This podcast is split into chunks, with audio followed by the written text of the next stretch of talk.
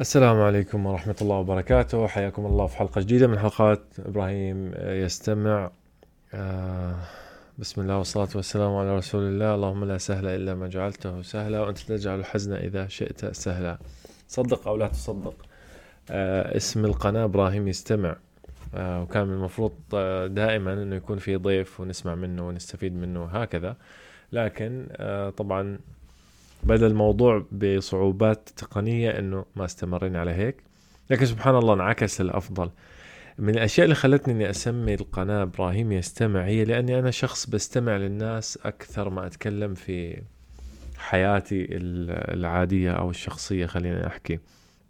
لكن وجدت شيء آه، غريب أو مهم جدا إنه هو أنا مش دائما أريد الاستماع ولا أتكلم كثيرا لدرجة إنه البعض يعني كان يعني يفكر إنه إبراهيم لا يستطيع التحدث أو ما عنده شيء يقوله. على قولة الشافعي يعني آه، صمت فقالوا كليل اللسان. فوجدت إنه أنا مع بعض الناس أستطيع أني أتكلم بأريحية وساعات يعني. ومثال كيف لما بتكلم معاكم على البودكاست وأغلب ال- الكلام بيكون بدون تحضير هو مجموعة من الأفكار. لكن مع أشخاص آخرين بتلاقيني ساكت. فالأسباب هاي كانت يعني حللتها وجدت إنه مع إما إنه الموضوع المطروح هو موضوع لا يعنيني. مثلا دائما بحكيها هاي إني أحكي قصص صارت معاي مثلا مواقف مرة والله رحت هناك وصار معاي كذا كذا كذا. يعني قصتي على طول مرة رحت هناك صار كذا خلاص خلصنا القصة. فما بدخل عليها الإبهارات أو ما عندي أسلوب السرد هذا اللي ممكن يخليني أطول السالفة بدقيقتين تاخذ مني عشر دقائق فوجدت هذا الرقم واحد إنه ما. ما بقدر أتكلم في مواضيع لا تعنيني وشيء ثاني إني ما بقدر أتكلم مع أشخاص لا. لا يتقبلون الاستماع يعني هذول الأشخاص كل ما أكلمهم بتلاقيهم عندهم رد عندهم هجوم عندهم قصة أخرى يحكوها أول ما تعطيهم طرف ال- الخيط. يعني هم ما بيسمعوا لك عشان يسمعوا لك. هم فقط عبارة مستني دوره في الكلام. فبتلاقيني لما ألاحظ أنه الشخص هذا هكذا بتلاقيني صرت أسحب. ما أتكلم بالشكل اللي كنت أنا أتكلم فيه بطبيعتي العامة. ف يعني أنا أكاد أزعم. تمام؟ اولا إنه الصديق أو البيئة الناس اللي بتتكلم معهم مهمة جدا في إنها تخليك تنمو وتخليك آه، تطلع اللي داخلك بأريحية و وبشفافية وإنك ما تخجل أو ما تحط حواجز للكلام. هذا واحد إنه البيئة اللي حواليك جدا مهمة لازم تصلحها لازم تختار الصديق اللي بيخليك تنمو بيخليك تشارك يومك مش هو ماخذك عشان تستمع له بس. أو إنه بس بيلاقي طريقة عشان يتسابق معاك في المآسي وغيره. هذا واحد. اثنين وأنا أكاد أزعم إن الشخص الصامت أنتوا اللي بتسمعوني اللي, دائما صامتين وما بتتكلموا وبتفكروا حالكم إنكم ما بتعرفوا تتكلموا أنا أكاد أزعم إنك أنت فقط لم تجد الشخص اللي بده يستمع لك والشخص الصح اللي بيخليك تنمو معاه أو يستمع لك بشكل صحيح. ف مش دائما يعني إذا أنتم يا أصدقائي مع عندكم شخص آه، ساكت في مجموعتكم بدي أحكي لكم الشخص هذا مش ساكت مع الكل ترى. هو بس معاكم لا يجد نفسه فحاولوا أنكم تستمعوا له حاولوا انكم تنضموا تضموه لكم عاطفيا كمان مش بس إنه قاعد معاكم في الجروب. طبعا هذا أنا بتكلم لما يكون الشيء دائم. مش إنه مثلا اليوم والله متجاي على بالي أتكلم فما راح أتكلم. هذا طبيعي يعني أصلا أنا تعبان شوي فالكلام شوي بيطلع يعني هيك بكسل إنه إنه أحيانا الواحد ما بيجي على باله يتكلم. هذا شيء آخر. لكن لما تكون هي هذا السائد له شخصية هذا الشخص الهدوء. وهيك يعني آه، خليني أشرب شوي. بتلاقوا إنه موضوع الاحتواء العاطفي جدا مهم. فبتلاقي مثلا هذول الأشخاص الساكتين بس يجيهم حد يبين لهم إنه بده يستمع بتلاقيهم آه، تكلموا وتلاقيه صار في ربط بينهم وبين هذا الشخص عاطفيا.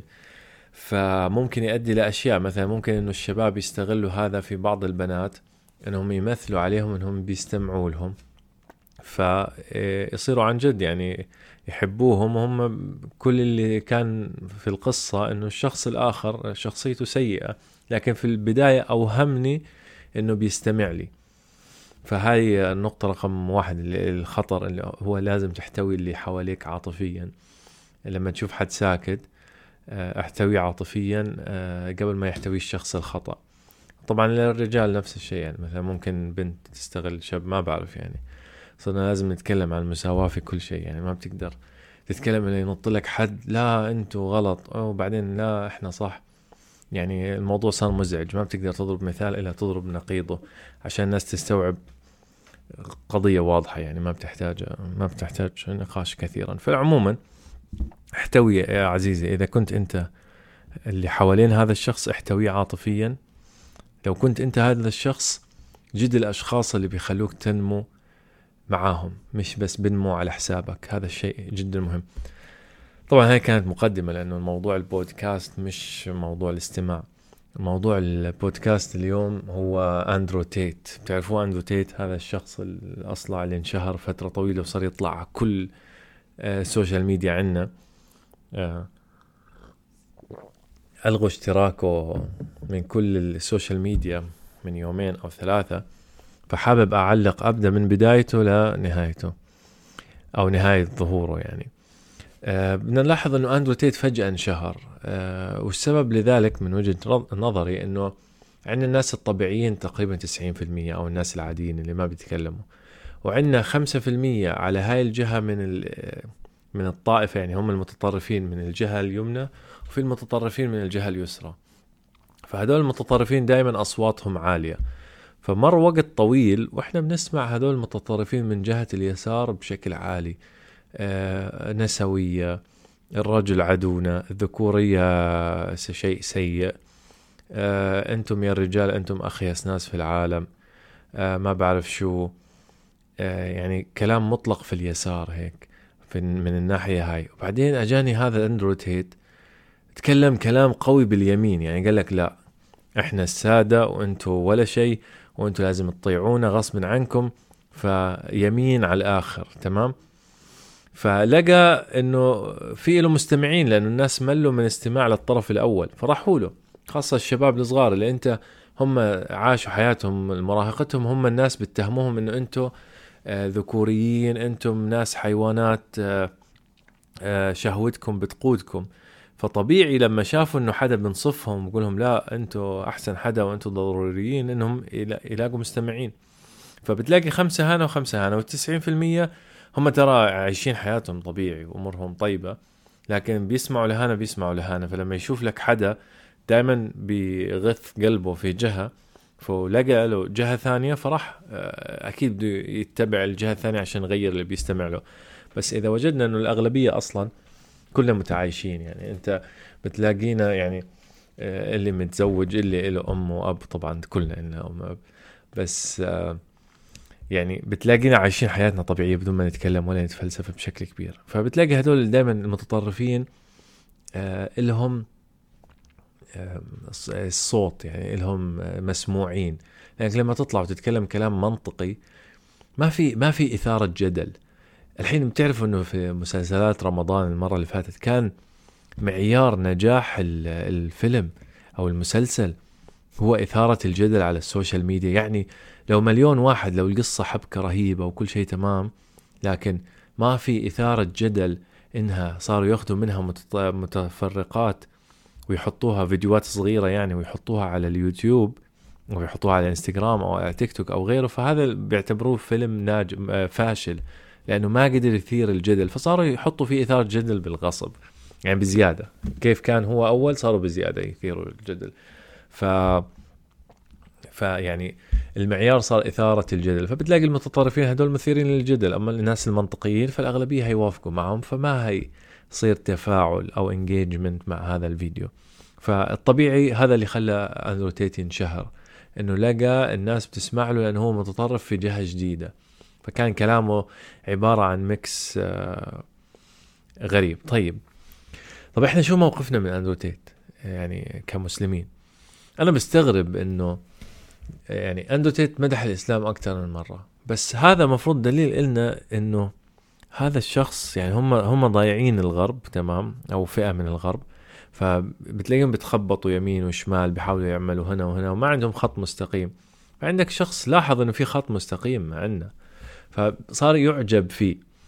فحلو إنه أعجب فيه لكن كمان هو لسه من هناك يعني من الغرب. فدخل تخبيصه على إعجابه فينا وصار ياخذ أشياء ويزود عليها ما فهمها صح وصار يألف الأشياء هاي. فبتلاقي بدل ما إنه أوكي أنت زي يعني بدنا نصحح لك المبادئ هاي بتلاقيت الشباب صاروا يعتبروه قدوة بس صباح الليل يعني هذا ما بينفع ما بينفع. هيك يا جماعة ننجذب لل لواحد صوته عالي فقط لأنه صوته عالي وفقط لأنه لامس عواطفنا من الجهة الأخرى فخلاص يلا وراه وصرنا ناخذ قدوة. بالعكس إحنا المفروض آه، يعني نعجب إنه هذا الشخص اللي رايح من اللي جاي من ظلمات الجهة الأخرى تمام؟ شاف إنه في عندنا نور فصار ياخذ منه ويألف عليه على كيفه.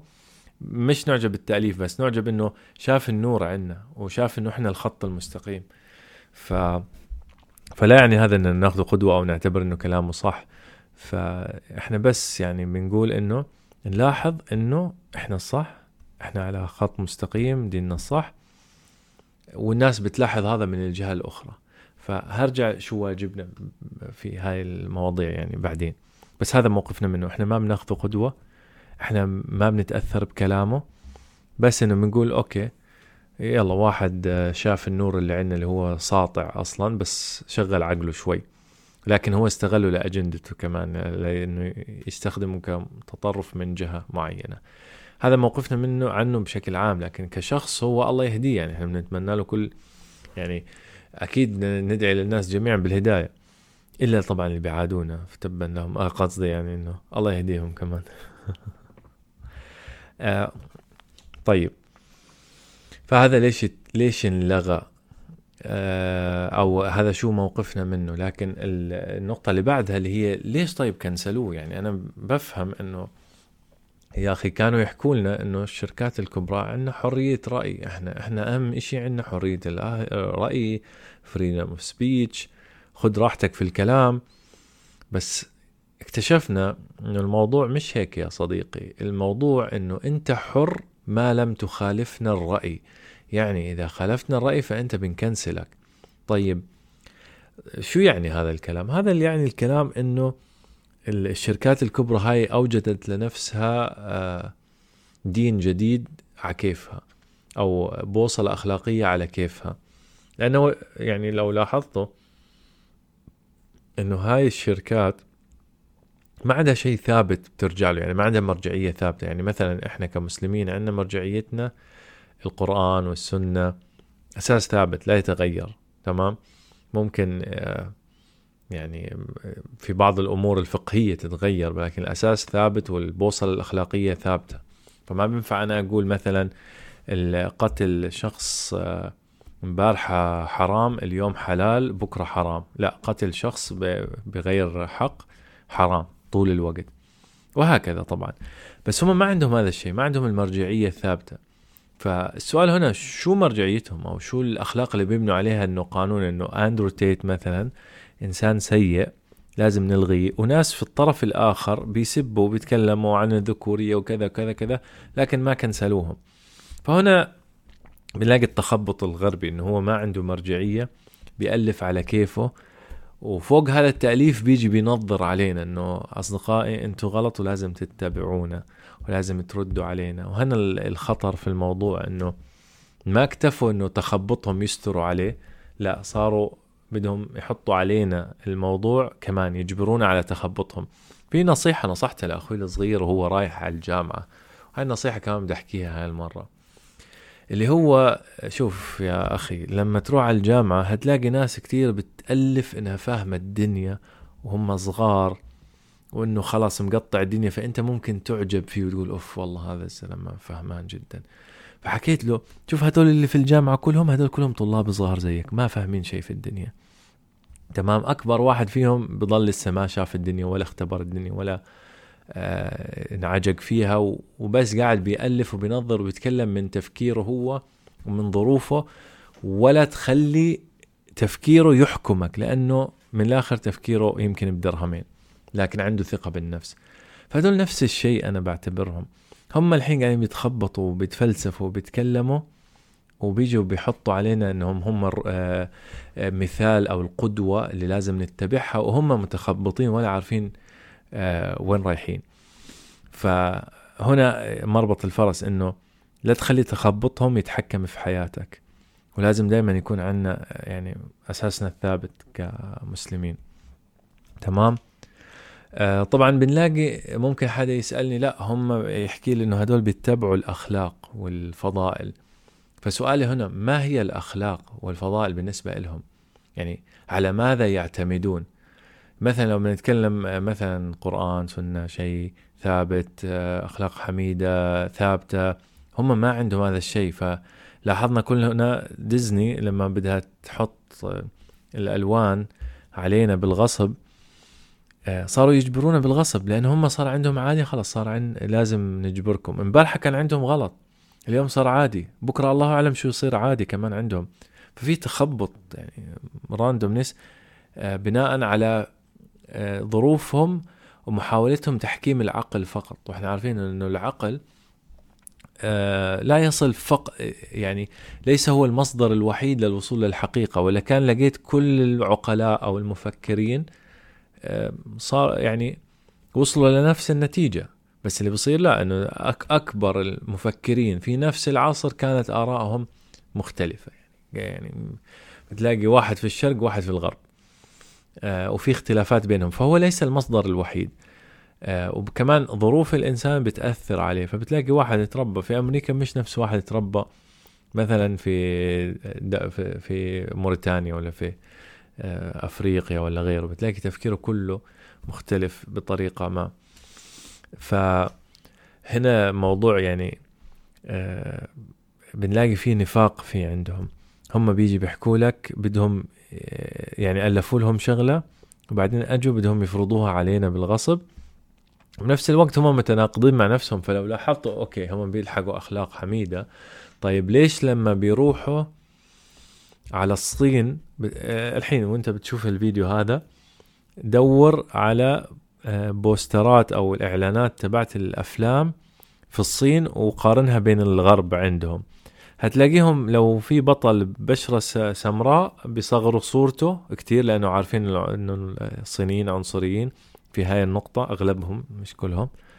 وبتلاقيهم كبروا الشخصية الآسيوية عشان يجذبوا. طيب آه، وين انتو ليش بتحاولوا تفرضوا علينا هذا الشيء وما بتفرضوا على الصينيين مثلا؟ فهذا بيثبت لك إن هم ورا الأرباح ولغة القوة هي اللي بتعلمهم من الآخر يعني. القوة الفكرية طبعا خلينا نتكلم. آه، فنعم هذا هو آه، موضوع التخبط تبعهم. فهنا خلينا نستشعر شوية أهمية الإسلام عندنا أنه رسم لنا طريق مستقيم. يعني تخيل كل واحد صار عنده شركة كبيرة ونجح. هذا امبارحة كان ترى ما عنده فلوس. طلع له فكرة و وزبطت معه آه، وانتشر وصار شركة كبرى. يعني مارك مثلا صار شركة شركة كبرى. بكرة بده يفرض علينا أجندته ليش؟ على كيفي. طب أنت مين أعطاك الأحقية؟ يعني بس هي أحقيتك بفلوسك وبنجاح شركتك.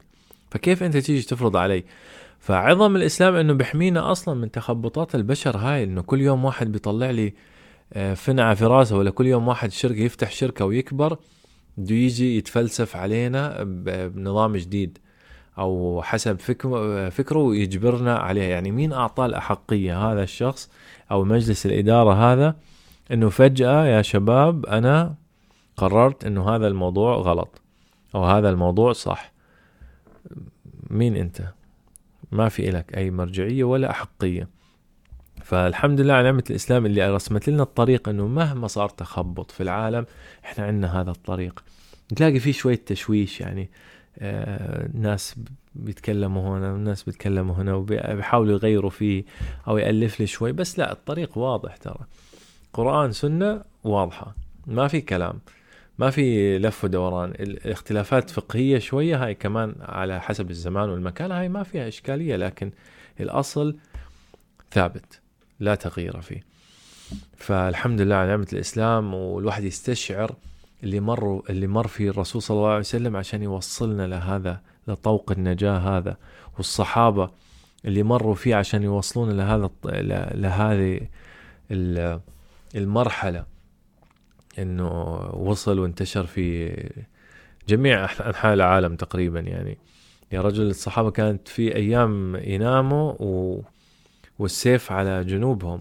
وكأجت فترة آه، الرسول صلى الله عليه وسلم كان كل يوم الصحابة يسهروا على حراسته لما نزلت آية آه، والله يعصمك من الناس. يعني متخيل الخوف. تخيل واحد أهل ناس تركوا انطردوا من كل بلادهم اللي عايشين فيها وأحبابهم وناسهم كلها وفلوسهم تركوها وأزواجهم بعضهم. هذا كله راح عليك. وضحى بنفسه عشانك أنت اليوم. فالواحد يستشعر عظم المرحلة هديك وما يجي يحكم عن بعد هيك ويعمل لي هو نايم وماكل ومرتاح اموره طيبة ويجي يقول لك والله يا أخي اللي مش عارف شو غلط اللي صار هذيك الأيام. لا يا حبيبي في شيء بدك تعرفه إنك لازم كمان تكلمت فيها المرة اللي فاتت مش تحكم على الأشياء عن بعد لازم تحكم على الأشياء بذاتها وبعدين آه، بالسياق اللي نزلت فيه وهكذا. فعموما كان هذا موضوعنا اليوم. بدينا من انتروتيت ولكن يعني انتهينا في استشعار أهمية الإسلام في حياتنا. آه في موضوع بدي أحكي عليه. اللي هو موضوع اللي اللي الناس اللي بتضحك أو بتتمسخر على أنك إنك بتجيب الدين أحيانا في جميع القضايا. أو في كثير من القضايا خلينا نحكي. أه بجد إنه مثلا أحيانا لما أتكلم مع حدا بتلاقي أو أو بجيب آية بتلاقي في ابتسامة بتيجي زي يا الله هيو جاب لنا كذا. طبعا هذا الكلام يا جماعة أنا مش كتير فيه يعني أنا مش إنسان هيك بتكلم بشكل كبير بس. لما أستشعر شيء وفائدة باجي بطبقها يعني على واقع مثلا أو بضربها بمثل أو كذا. ف ومش شيء كتير لكن بجد رياكشن أو ردة فعل من بعض الناس إنه يا الله طلع هذا شو بجيب لنا أو كذا كذا كذا. أنا بدي أحكي لك إنه هذا الشيء كبير ترى. مش بسيط إنك حتى تبدي علامات الاستهزاء. وما بدي أحكي على تبعاتها الشرعية لكن بدي أحكي على تبعاتها العقلية يا أخي. أنت بتلاقيك بتجد حجج الآخرين بدون ما أحكي مين وبتفصلها وبتاخذها بشكل عقلي وكل شيء. آه يعني حتى كنت بضرب مثال خلينا نقولها فائدة. اليوم حتى صار معي الموقف. بتلاقي هذا الشخص بيفصل الحجج الأخرى بتفصيل وعقلية وكلام منطقي وكذا. لكن أنت لما تضرب له شيء مثل آه، في فائدة كبيرة وإشي عقلي كمان منطقي يعني مش بس آه، نقل يعني. بتلاقيه هيك بيستهزئ داخليا وأنت حاسس إنه بيستهزئ وعرف عرفت إنه خلاص يعني قفل عقله في الموضوع. مثلا كنت بضرب اليوم مثال كنا نتكلم عن التضحية للشخص الآخر. فكان في حد بيحكي إنه أنا بضحي مستعد أضحي بكذا بكذا بكذا بكذا عشان هذا الشخص. فأنا قلت لا في مج... في ليميت أنت توصل له وقلت إنه في فائدة قرآنية جميلة اللي هي بتقول لك ويسألونك ماذا ينفقون؟ قل العفو يعني يعني أنفق أنف أنفق بحسب آه، بما تستطيع إنفاقه دون أن يتحول الموضوع لضغينة في قلبك إنه أخ ليش أنا أنفقت الألف هاي مثلا كان أخذتها أنا؟ أو آه، يعني والمعنى الآخر إنه لا تنفق لدرجة آه، وأنت مش كافي عيالك. فنفس الشيء انه قلت لها لا تضحي بأشياء أنت هتخليك حاقدة على الشخص هذا في المستقبل. فاستنتجت من الآية القرآنية هاي الفائدة. فوجدت على طول أول ما قلت الجملة هاي وجدت ابتسامة هيك لئيمة من أحد الأشخاص الجالسين أو مش لئيمة استهزاء يعني من الآخر. ف وأنا أظن أنه هذا الشخص جاهل ب, ب يعني بصعوبة هذا الشيء أو ب بي يعني خلينا نحكي إنه هو مش فاهم شو اللي بيعمله مش فاهم إنه هذا شيء كبير. وكمان هو مش محكم عقله هو فقط خلص من البيئة اللي حواليه اتعلم إنه هدول الصح وإحنا الغلط فلازم إحنا نهاجم هدول الغلط اللي هو إحنا يعني. إنه ما دام بيتكلموا بس آه، بجابوا لك آية في موضوع بعيد شوي خلاص أوف هذول عقليتهم كذا فلازم نكنسل عليهم. فهذا يعني كمان موضوع خطير. بجد إنه كثير آه، مش كثير من الشباب يعني شبابنا فيهم الخير. بعض الشباب بيمروا في هذا الشيء أو عندهم هذا الشيء وعندهم انعجاب آه، بالغرب كبير. طبعا هذا بينه ابن خلدون إنه الشعوب المهزومة دائما تقتدي وتتطلع للشعوب المنتصرة. وهذا اللي شفناه أصلا لما كان الإسلام هو المنتصر كان الأوروبيين يجوا يتعلموا منا ويلبسوا نفسنا. يعني متخيلين كل أثواب التخرج هاي اللي بنشوفها الروب كان مأخوذة من آه، حضارتنا الإسلامية. فكان لما الواحد منهم يتخرج يلبس هذا تأسيا فينا. فسبحان الله هي تلك الأيام نداولها نداولها بين الناس يعني. فنعم هذا هو اليوم نقاشنا. تكلمنا فيه بشكل سريع عن عدة أشياء وجالسين نقرأ آه، كتاب أحد الكتب في مجموعة القراءة. لا تنسوا تنضموا لها إذا حابين. والكتاب جدا جميل وفي يعني فلسفة جديدة اللي هو كتاب الإنسان والبحث عن المعنى. الكتاب قريته مرتين الصراحة و وهننزل تلخيصه في واحد تسعة. ويا أخي وجدت آخر شيء هختم فيه عشان ما أتكلم كثير وتكلمت كثير.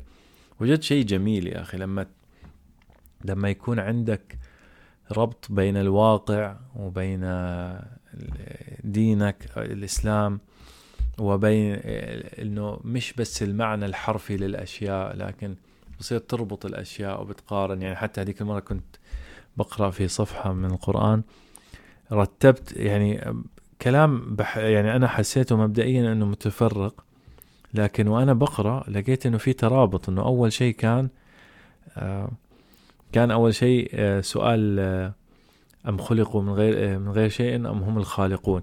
كان قبلها كلها أدلة على الخلق. يعني أنا مش متذكر الآيات. أنه على الخلق المخلوق المخلوق حاليا حوالينا كلنا كلنا بنقدر نشوفه. بعدين هاي الآية بعدين أجت الآية التبع إنه اللي قبل هاي الآية كان كامل إثبات إنه شوف عظم الخلق وعظم كله. بعدين السؤال المفصلي خلينا نحكي أم خلقوا من غير شيء أم هم الخالقون؟ أو آه لا مش هاي الآية في آية ثانية أستغفر الله. عموما يعني مش متذكرها بس آه، آه، فمن يخلق كمن لا يخلق. أيوة دقيقة خليني أتأكد منها. أيوة أفمن يخلق كمن لا يخلق. آه، أفلا تذكرون؟ هيها. يعني شوف قبل هالآية بتقول وألقى في الأرض رواسي أن تميد بكم وأنهارا وسبلا لعلكم تهتدون وعلامات وبالنجم هم يهتدون. أفمن يخلق كمن لا يخلق؟ أفلا تذكرون؟ وأن وإن تعد تعدوا نعمة الله لا تحصوها إن الله لغفور رحيم. يعني كلها متصلة في بعض طبعا بعدين بيكمل آه، جاب لك الدليل اللي من الخلق أو الدليل الكوني أو حسن الخلق بعدين أثبت إنه اللي بيخلق أفمن يخلق أو سأل سؤال أفمن يخلق كمن لا يخلق؟